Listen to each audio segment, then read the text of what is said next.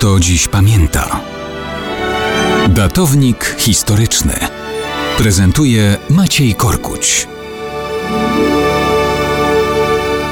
Mało kto dziś pamięta, że 5 października 1939 roku kończyła się militarna obrona Polski i w pełni zaczynała się noc okupacji.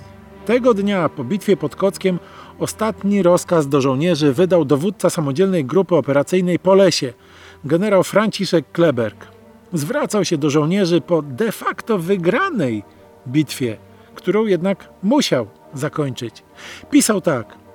Z dalekiego Polesia, z Nadnarwi, z jednostek, które oparły się w kowlu demoralizacji. Zebrałem was pod swoją komendę, by walczyć do końca. Chciałem iść na południe. Gdy to się stało niemożliwe, nieść pomoc Warszawie. Warszawa padła, nim doszliśmy. Mimo to nie straciliście nadziei i walczyliście dalej.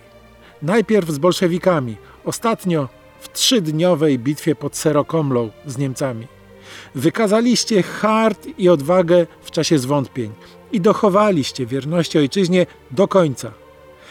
Dziś jesteśmy otoczeni, a amunicja i żywność jest na wyczerpaniu. Dalsza walka nie rokuje nadziei, a tylko rozleje krew żołnierską, która jeszcze przydać się może. Przywilejem dowódcy jest brać odpowiedzialność na siebie.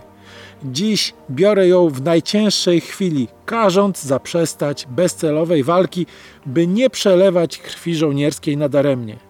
Dziękuję Wam za Wasze męstwo i Waszą karność.